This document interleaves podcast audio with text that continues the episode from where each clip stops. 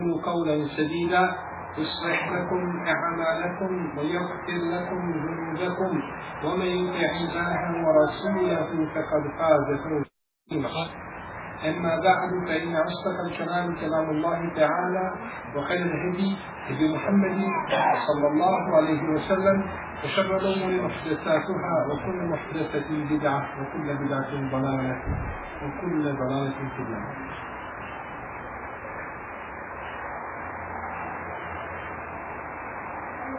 Bilježi Ebu Nu'aym u svome delu Rekirije imam Zahebi Šijeru E'lam Nubala svaki od njih u sedmom tomu da je Sufjan Eseuri rekao neće se spojiti ljubav prema Ali radi Allahu anhu i prema Osmanu osim u srcima najodabranijih ljudi. Oni koji vole Aliju i Osmana radi Allahu anhu u isto vrijeme, to su po Sufjanu Eseuliju najodabraniji ljudi. I vidiš Ebu Nu'aym u petom tomu spomenutog dijela od Jahije ibn Kesira od Barira kaže vidio sam Zubejda misli na Zubejda ibn Harita Kufija koji umro 122. hiđarske godine vidio sam ga kaže u na pa sam ga upitao o Zubejde gdje si završio kaže u Allahovi milosti inša Allah kaže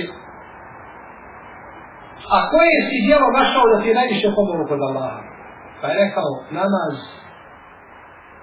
i ljubav prema Ali radi Allahu ta'ala. Namaz i ljubav prema Ali radi Allahu ta'ala. Mi smo govorili u nekoliko naših prethodnih druženja o Hulefaj Rašidinima. I u zadnjem smo govorili o Ali radi Allahu ta'ala anhu i spominjali smo neke njegove odlike koji su došli u sunnetu poslanika sallallahu alaihi wa sallame i navodili smo mišljenja učenjaka koji kažu da gotovo nema nijedan ashab ili nema nijednog ashaba da je o njegovim vrlinama toliko toga preneseno kao što je Alija radi Allah ta'ala No međutim, Alija nije ništa drugo do čovjek. Alija nije ništa drugo do čovjek. I nije dozvoljeno ili kako nije dozvoljeno Aliju spustati na stepen i degradirati njegovu derežu koju ima kod Allaha te barake ta'ala, isto tako nije dozvoljeno Aliju dizati iznad stepena koji mu pripada. Bileži mnogi šejde, imam Abdullah ibn Ahmed u svome djelu sunne, i Bebi Asim i drugi, da je Alija radijallahu anhu rekao La yuhibbuni qawmun hatta yedhulune en nare fi hubbi. Wa la yubghiduni qawmun hatta yedhulune fi nar أو حتى يدخلون النار في بغضه. Kaže, mene će voljeti jedna skupina ljudi tako da će ući u vatru od silne ljubavi prema meni. Toliko će voljeti pa će ući u džahennem zbog te ljubavi. Jer će pretjerivati u svojoj ljubavi prema Ali, pa će ga smatrati da je više od običnog čovjeka. Kao što su kršćani kazali za Isa, ali i A kaže ima ljudi koji će me mrziti, pa će ući u džahennem zato što me mrze. Pa to ovo tajnosti ni degradiranje, niti izdizanje za sebe. Ovo su riječi Ali radi Allah. I predaje koju sam spomenuo zna vjerodostojan danas prenosilaca. Da je rekao, a ovo su stvari gajba. Ovo Alija nije mogao znati, nego putem objave preko poslanika sallallahu alaihi wa alihi wa sallam. Pa je Alija radi anhu jedne prilike spalio skupinu ljudi. Spalio ih, to su Esebaije, stebenici Abdullaha i sebe. Koji su ga smatrali božanstvom. Pa je spavio u vatru. Kada je to čuo Ibn Abbas kaže da sam ja spavio vatru. I to ubijao. Jer su se odresuli time od vjere. No međutim ne kaže palio vatrom, jer ne treba da kaže vatrom osim gospoda vatrom.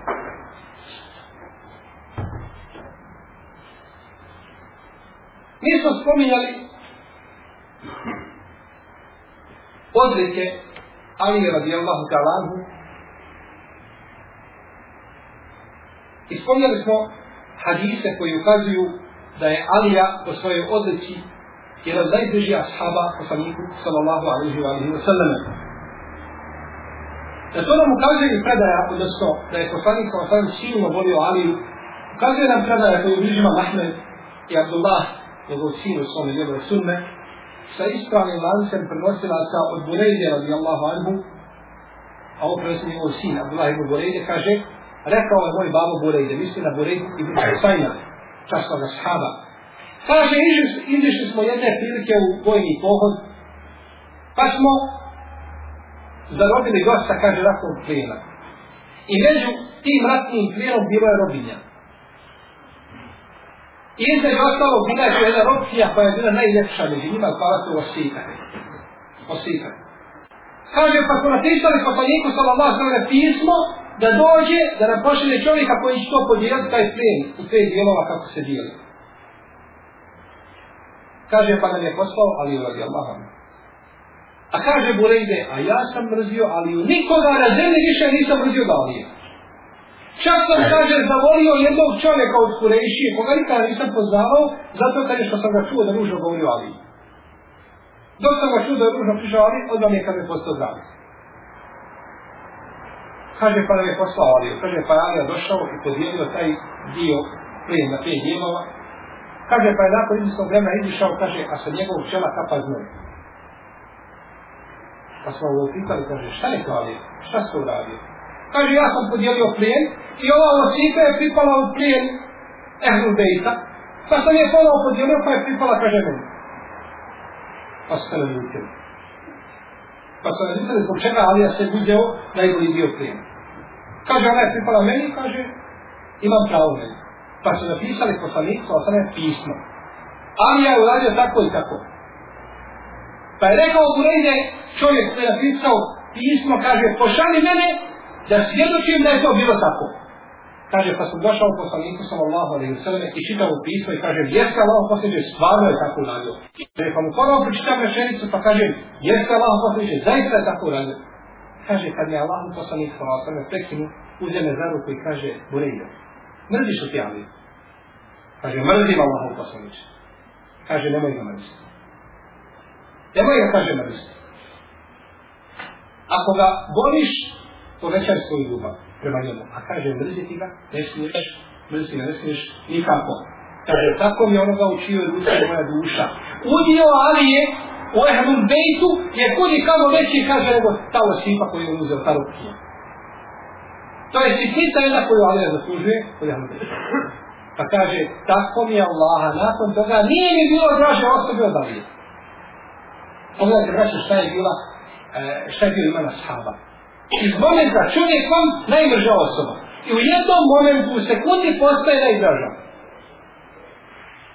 To ništa znači ne može uraditi, nego, nego iman, znači samo iman može promijeniti a, srce tako, kao što je bilo sa Hadma, kažu, nikada mi niko nije, nije bio brži od Muhammeda, nisam ga mogao vidjeti očima. Kad sam došao da ga ubijem, tim ču učenje Kur'ana u djeliću, znači, u kratkom vremenskom periodu čovjek ima potpuno svoje mišljenje, biva jedan od, znači, najžešćih sadbenika, poslanika, sallallahu alaihi wa alaihi wa sallam. Spominje ko žauzi da je došao čovjek Ali radi Allah vanu i kaže mu, hoću da mi napišeš ugovor, kupio sam kuću, a kaže, hoću da ti svojom rukom napišeš taj ugovor. Da imam ugovor od tebe. Ali ja vidio da je on čovjek dunjavučan, ono, dunjavu koji iz očiju curi.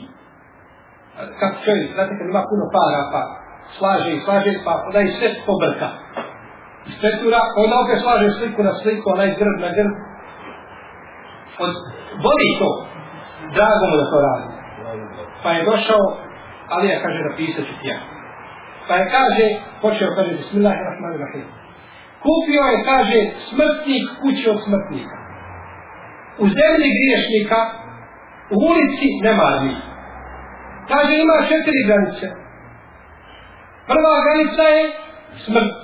Druga granica je kabul, treća granica je hisab, polaganje računa, a četvrta je džennet u džennet.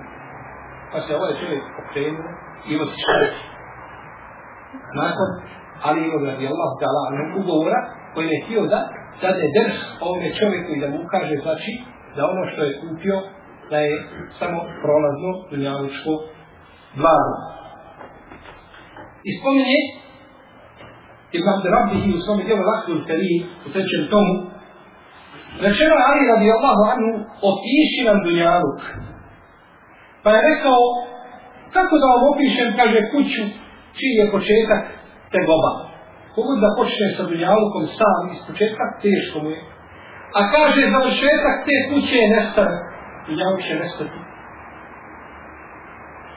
Za halal ćeš biti pitan, a za haram ćeš biti kažnjen. Ko ostavi dunjaluk, kaže, teško će poći, u fitnesi će upadati, a koga sebi kaže priušti, na sudjem danu će žaliti. Kaže, takav je, takav je dunjaluk, radi Allahu ta'ala anhu. Ibn Kesir spominje u svome dijelu Bidaje u Nihaje da je poslanik sallallahu alaihi sallam jednog dana sjedio sa ashabima i bili su ga okružili. Pa je prišao Alija i došao na kraj tog medresa i gledao gdje bi sjeo. Pa je poslanik sallallahu kada je to vidio prekinuo je. Stao i gledao lica ashaba. Šta će uraditi? Kada je to primijetio Ebu Bekr, to će drugi. A bio je pored poslanika po osnovne. Pomijenio se malo u desno, kaže ovdje Ebu Hasan, ovdje dođe Alija, ovdje sjedi između mene i poslanika sa osnovne. Pa kada je to vidio Allah poslanik, vidjela se radost sa njegovom licu i kaže Ja Eba Bekrin, inema ju'arafu i fadlu, lijete fadlu. Kaže, o Ebu Bekra, samo dobri znaju vrijednost dobri. Samo dobri znaju vrijednost dobri. Iz ovoga se ne smije nikako razumjeti da je Ali radi Allah da ono bolje od, od Ebu Bekra. Nije sigurno, jer smo kazali da je a stav ehlu sun, sunneta u džemata, čak se i konsensus stavovi prvi generacija u tome pogledu, koga se spomnio od imama Šafija, sjećate prošli put, da je, znači, Ebu Bekr a, i Omer da su bolji sigurno i od Osmana i od Alije. No međutim, ovo se navodi kao predaja, jer se spominje da je došao čovjek, Ali radi Allah, je rekao mu kaže, o vladaru pravovjerni. Šta je, kaže mu, hađima i ensarijama, pa daju prednost Ebu Bekru nad tobom, a ti među njima. Kako mogu tako nešto raditi? On će da pohvali, ali radi Allahu anhu. Kaže, a ti si prije Ebu Bekra primio islam. Ne se te spomenuo, smo kazali da jače mišljenje da Alija primio islam prije Ebu Bekra, iako ima različite mišljenja da su, da je Ebu Bekr prije ima, da je u jednom međusu da je bilo ista dava, isti dan, isti sahat i tako. U svakom slučaju, kaže Alija, da kaže čovjek da muslima nije u Allahovoj zašti, sad bi te kaže ubio. Ovoga momenta ti ja glavu odsekao. A ako kaže ostane živjeti ovdje u Medini, kaže praviš ja velike neugodnosti. Što je od mene svega isto čega zbog te rečenice koju si, koju si kazao. Kaže, Ebu Bekr je mene pretekao u četiri stvari. Bio je, kaže, halifa prije mene. I učinio je hibru prije mene. I širio je javno islam prije mene. Ko je, ko je prozvao Osmana radi Allah anu islam? Čak se na ovim predajima da je deset obradovani u džernetu osim Ebu Bekra, da im je svima Ebu Bekr činio da. Prije mene kaže, i kaže, preteko me u pećini. Ja nisam bio u. Znaš li kaže da je Allah pogrdio sve ljude, a pohvalio Ebu Bekra. Sve muslimane na zemlji je to vreme pogrdio, a pohvalio Ebu Bekra, kazujući, illa tensuruhu, takad nasarahu Allah. Stani je sneni huma A ako ga vi ne pomognete, Allah ga je pomogao dok su oni njegov prijatelj bili u pećini. Pa vi ako nećete, ima prijatelj koji uz njega i koji će ga pomoći. Pa je kaže pohvalio sve ljude, a pohvalio je ovaj Ebu Bekra, a pogrdio je ovdje sve ljude, ako ne bude htjeli pomoći poslanika sallallahu alaihi wa alaihi wa sallam. I neće Ebu Nuhaim u svome dijelu Hilije u osmom tomu od umu Musa da je rekla došlo je do Alije da je Abdullah ibn sebe govorio da je Alija bolje od Ebu Bekra i Omara pa je Alija čvrsto odlučio da ga ubije čvrsto odlučio da ga ubije zbog toga što mu daje prednost sa Ebu Bekrom i Omerom, pa su kazali da ćeš ubiti čovjeka samo zato što te hvali, ništa drugo. Kaže dobro, kada su mu govorili i uvjerili, kaže dobro, ali kaže neće stanovati u zemlji koju ja živim. Neće stanovati u zemlji u kojoj ja živim čovjek koji mi daje prednost nad Ebu Bekrom i Omerom. Ovo su riječi Alije. Prenesene na mnogim u svojim putevima. On se je popeo u kupu na Mimber i kaže, najbolji čovjek u ove umetu Ebu Bekr, Omer, ako hoćete kazat ću vam treći.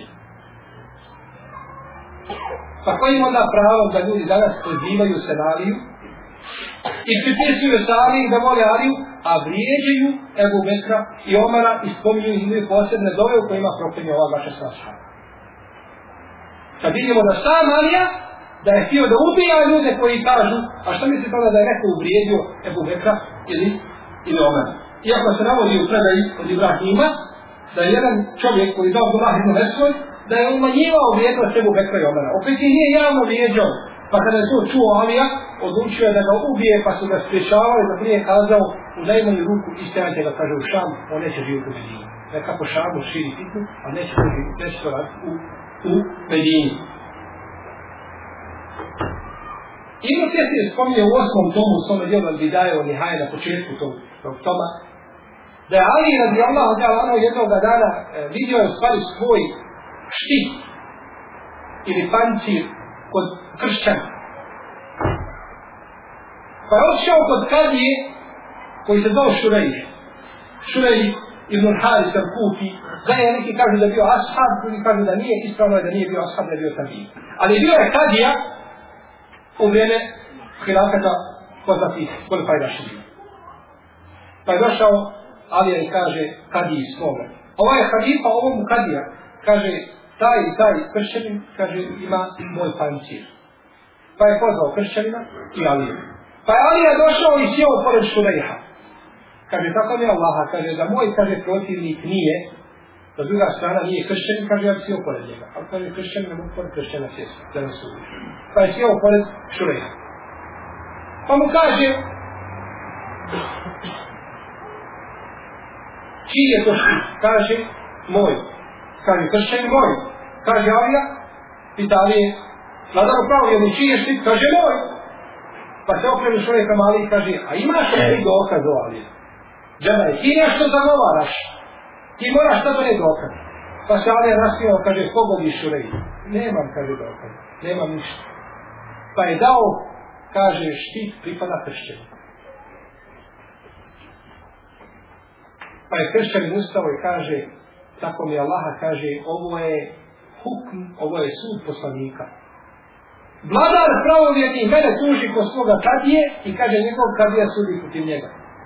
Kaže, svjedočim da nema drugog Boga osim Allaha i da je Muhammed njegov poslanik.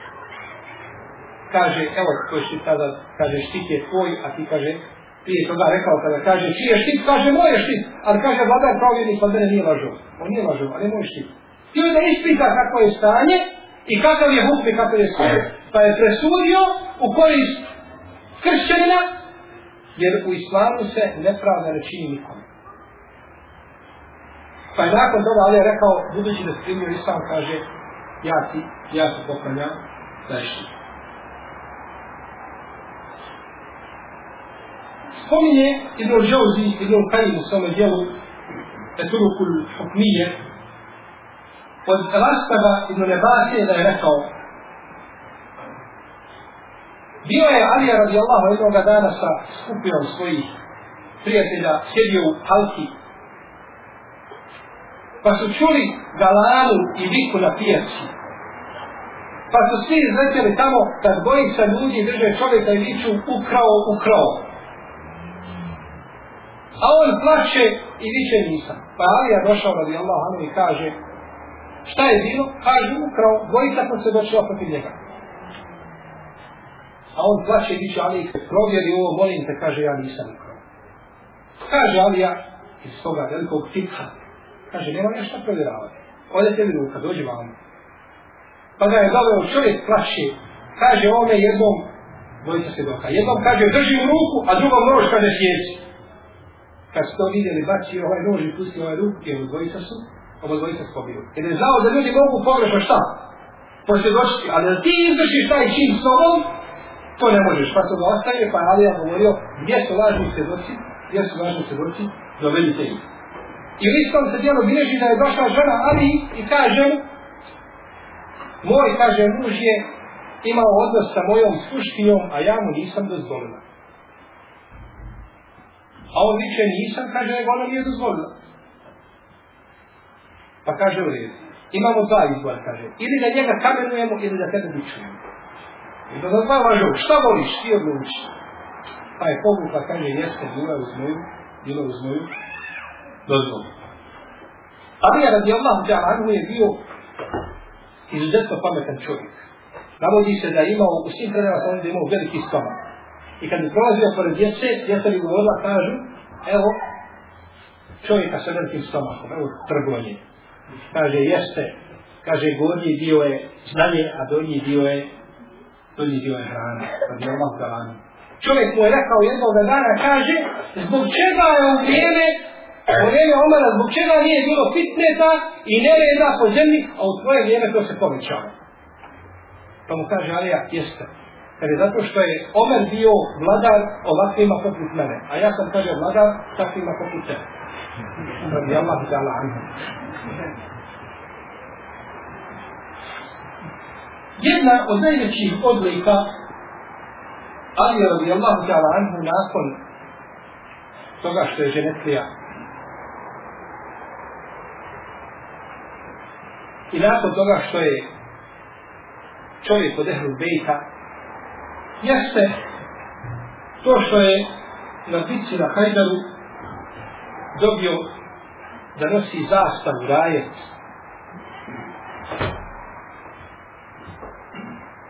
Prvi dan je uzeo u Bekr zastavu pa nije uspio osloboditi Hajbar. Pa je uzeo drugi dan Omar pa nije uspio. Kako se oni bili osnovnim predajama. Pa je rekao poslanik sallallahu sallam kaže tako mi Allah sutra će dati zastav čovjeku koga voli Allah i koga voli poslanik.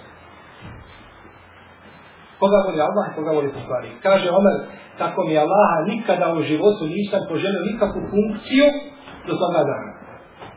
Jer kad se dalje zastava tome čovjeku, zaliko, čak kaže Burejde, kaže, ja sam se, kaže, isticao i smatrao sam se, kaže, najprećim da ću ja to. Kaže, prstio sam se pred drugim ljudima, smatrao da će ja sigurno tu zastavu. Kaže, pa kad je stavljeno jutro, svi smo, kaže, čekali na nogama, šta će Allah poslanik kazati, kome će zastav dati? Pa je rekao, kaže, pozovite me Aliju. Pa skazao Allah poslanik će njega oko boli, da je drugo. Kaže, pozovite mi me Aliju. Kaže, pa je poslanik sa osvrame pljucnuo u njegovo oko, kaže, tako mi Allah, kao da se ništa nije desilo. Ne ovdje se da nikad oko više nije zaboljelo pa mu je dao zastav, pa je, pa je tako, znači, oslobođen Hajber, radi Allahu ta'ala Navodi se od oblika Alije da nikada nije učinio seždu kivu, se nikada nije molio kumirima i da nikada nije popio kapi alkohola. I u ovoj oblici a, pridružuje se još skupina ashaba koji su bili sigurno, znači ovaj mlađi kao Alija ili mlađe od toga. Što se tiče fitneta ili nereda koji se desio između Alije i Muavije, Ehlu Sunnet ima stav da je Alija bio na isti. Da je Alija bio preći haku i da je Alija pogodio u svome ištihadu I na to ukazuju hadisi poslanika sallallahu alaihi wa sallam Ammaru ibn Yasiru, kada mu je poslanik wa sallam rekao Vojhake ja Ammar, tak suluke li fijetu l-bagije, teško ti se o Ammar, ubit ćete nasilnička skupina. A ubila ga je skupina Muavije radijallahu ta'ala anhu ajma'in. Pa je Sunnet kaže da je Alija bio u pravu. No međutim to ne znači nikako da treba podržiti Muaviju. Muavija je pisar objave poslanika sa je bio.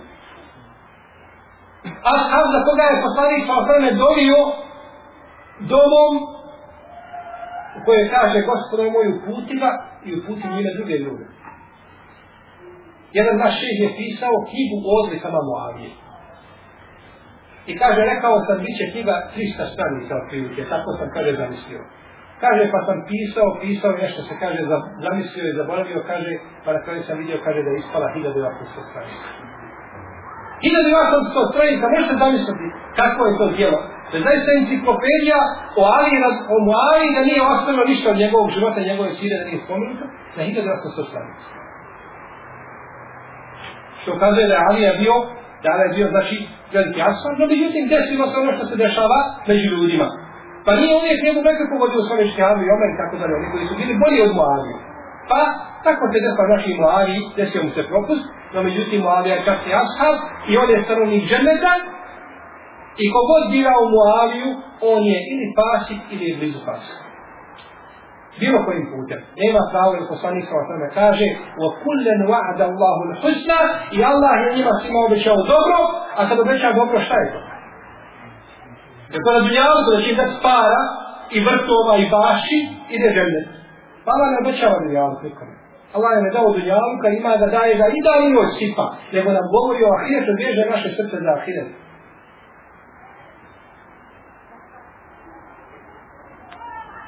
Jedu Allahi mel'a, kaže poslanik pa temu hadisu koga bilježe Buharije i Muslim. Od Ebu Hureyre. Jedu Allahi mel'a, la yaziduha nefakatun, seha'u lejni od nehar. Allahova ruka je puna. Ne može ništa uskratiti ili ne može ništa umanjiti iz te ruke njegove tabarake od od izdvajanja što daje. Sipa i da noć. Pa vama ko danu kada shrani, oni samo neki spavaju. Kad se oni pobude, vi spavate, a njih hrani i tako stalno. I u moru šta ima, i u planinama, i sve to Allah hrani, sve to održava, i to ništa ne uzima njegove moći, njegove snage. Te barake.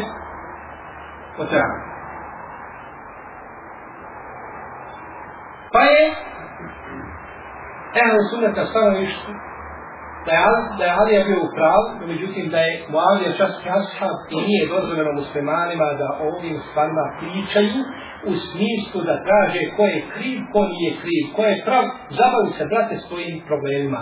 Poslanik kao vreme obećao ashabima džennet i svi su ashabi kod ehlu sunneta pravedni i ako Bog da siće u džennet, a gdje ti Pa zabavi se sobom i svojim problema, a ostaje Muaviju, ostaje Muaviju na miru koji je po, po konsensusu ehlu sunneta časni, časni ashab. Poslanik sa osrme kaže u koga bliži vam tabarani sa dobrim lancem prenosilaca i da zukira ashabi te emsiku. Kad se moji ashabi spomenu, držite jezik za zubima. Pa baš tako, drži jezik za zubima. Ili pričaj po hajru ili šuti. Nemoj ashabima govoriti ništa što nije, što nije hajru, što nije dobro. Kao što kaže poslanik sallallahu sallam, i da zukira qadar te emsiku. Kad se spomene qadar, držite jezik za zubima. Ovaj nam hadis o qadaru pojašnjava ovaj hadis. Iako nikakve veze nemaju matematici. Ali kad kažemo držite jezik za zubima, to ne znači nemoj spomnjati njihove sire, istorije, nemoj izučavati, nemoj se ogledati, ne znači to. Nego nemoj spomnjati to zbu i nemoj pričati onome što bi te moglo odnesu da lave. Kao kod kadera. I pričaju o kaderu, da je to sastavni dio imana, da čovjek koji ne vidi u kaderu može biti musliman. I, i, i, no međutim, nemoj o kaderu pričati ono što bi te moglo odnesti da Nemoj o kaderu pričati ono što bi te moglo odnesti da lave. Allah živo znao, pa odredio da će neko biti kjater, pa nakon toga kaže, on zašto ga u džahnem, pričaš o stvarima o koje, koje možda razum određenih ljudi ne, mogu, ne može dopušiti, pa odredu i te stvari u dalale, iako je to jasno kod ehlu sunneta, da je to uzvišen Allah žanu odredio iz svog apsolutnog znanja, a nije nikoga, nije nikoga prisilio na dotični čin. Ljudi koji vole Aliju radi Allah vanhu, se s jedne strane najbolji ljudi. Ali isto tako s druge strane, ljudi koji su ubili Aliju su najbolji ljudi na zemlji. Nema gori koji hodaju po zemlji od onih koji su nakon nevjerska nema gore djela toga da čovjek ubije, ubije ashaba poslanika pa ovo sveme, naročito zeta poslanika pa ovo sveme i čovjeka koji je pohvaljen gorim hadisma i ashaba koji je bio kalifa muslimana. Skupili se Trojica ljudi Haridžija u to vrijeme Abdurrahman ibn Muljim i Al-Burek ibn Abdullah Temimi i Amr ibn Bukejr Temimi ovaj Abdurrahman ibn Muljim Al-Muradi, tako mu ime on je uzeo sebi zadatak da ubije Ali Kaže El Burek, ja ću ubiti Muaviju. A kaže Amr ibn Bukejr Temini, ja ću ubiti Amra ibn Lasa. Pa je šeitan uljepšao njihovu ideju, pa su krenuli akciju. I svaki se uputio u zemlju u kojoj je boravio dotični ashab. Pa je došao Abdurrahman ibn Burđin u kupu. Došao je u kupu da ubije Aliju radi Allahanu. Pa je našao tamo skupinu svojih prispalica od te zabudjene sekte i vidio je kod njih ženu koja se zvala Pepane bintu Šižne ibn Adi. Zvala se Pepane, tako žena. Bila lijepa pa mu se dopala. Pa je zaprosio. Kaže, moj mehri je tri hiljade da mi daš u gotovini i da mi doneseš alinu u glavu. To je moj mehri. Pa kaže, tri hiljade to ćete lako dati, a i nisam ni zbog čega došao da aline glave. Pa je izišao sa šedibom Ibn Garžom, Rešćajijem, tražio da mu pomogne, pa mu se je pridružio, pa su izišli i otišli kod Rešata Ibn Kajsa, Elkendija, tu su premećili, pa je ujutro zavikao svanu zora, svanu zora, ustajte znači. Pa su prije sabah namaza otišli na mjesto gdje Alija radi Allahu ta'ala izlazi iz kuće, pa su se sakrili.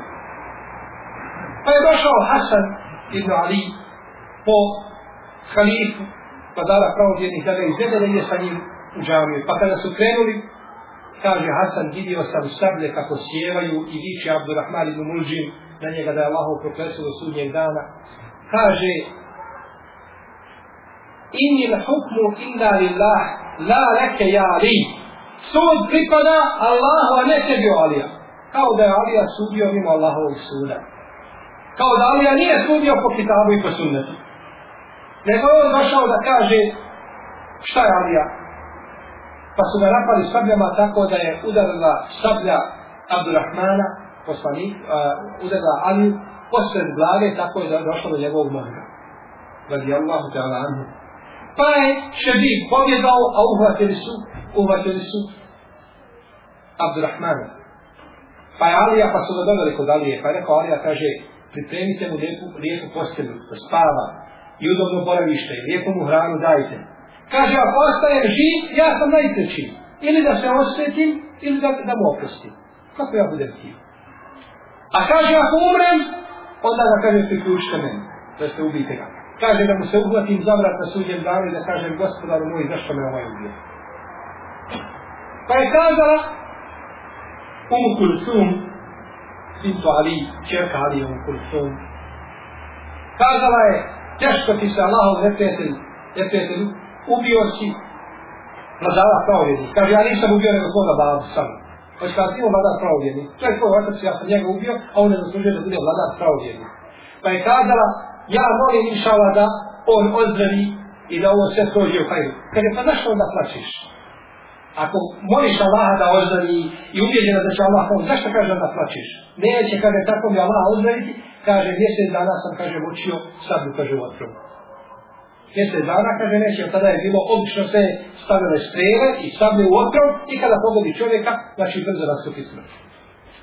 Ovo kaže koliko je bio čovjek, kakav je razum njegov bio, da moći sablju, pa železno upija vodu, tako.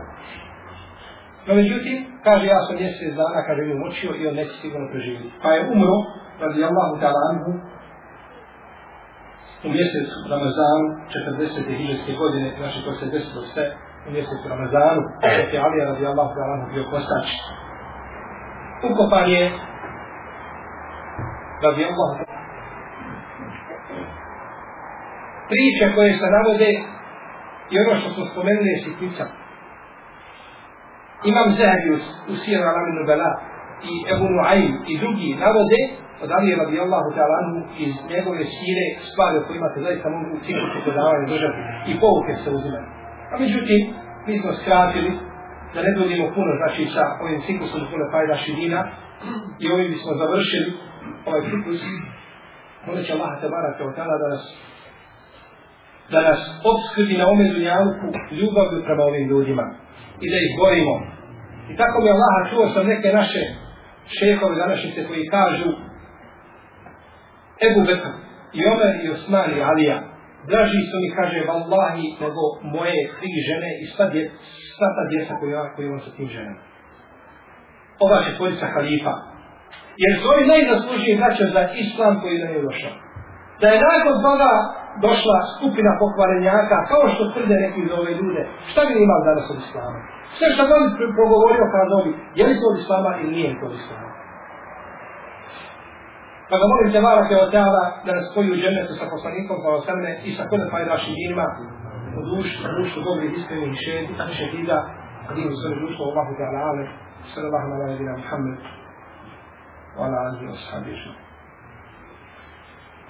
sahbihi. Znači, primje se ste za čovjeka od riječi koje se govore, odvraćaju tri stvari, nema četvrte. Odvraća ga prvo kada sluša vijest. Ili da kažemo četiri, nema pet. Smatra čovjek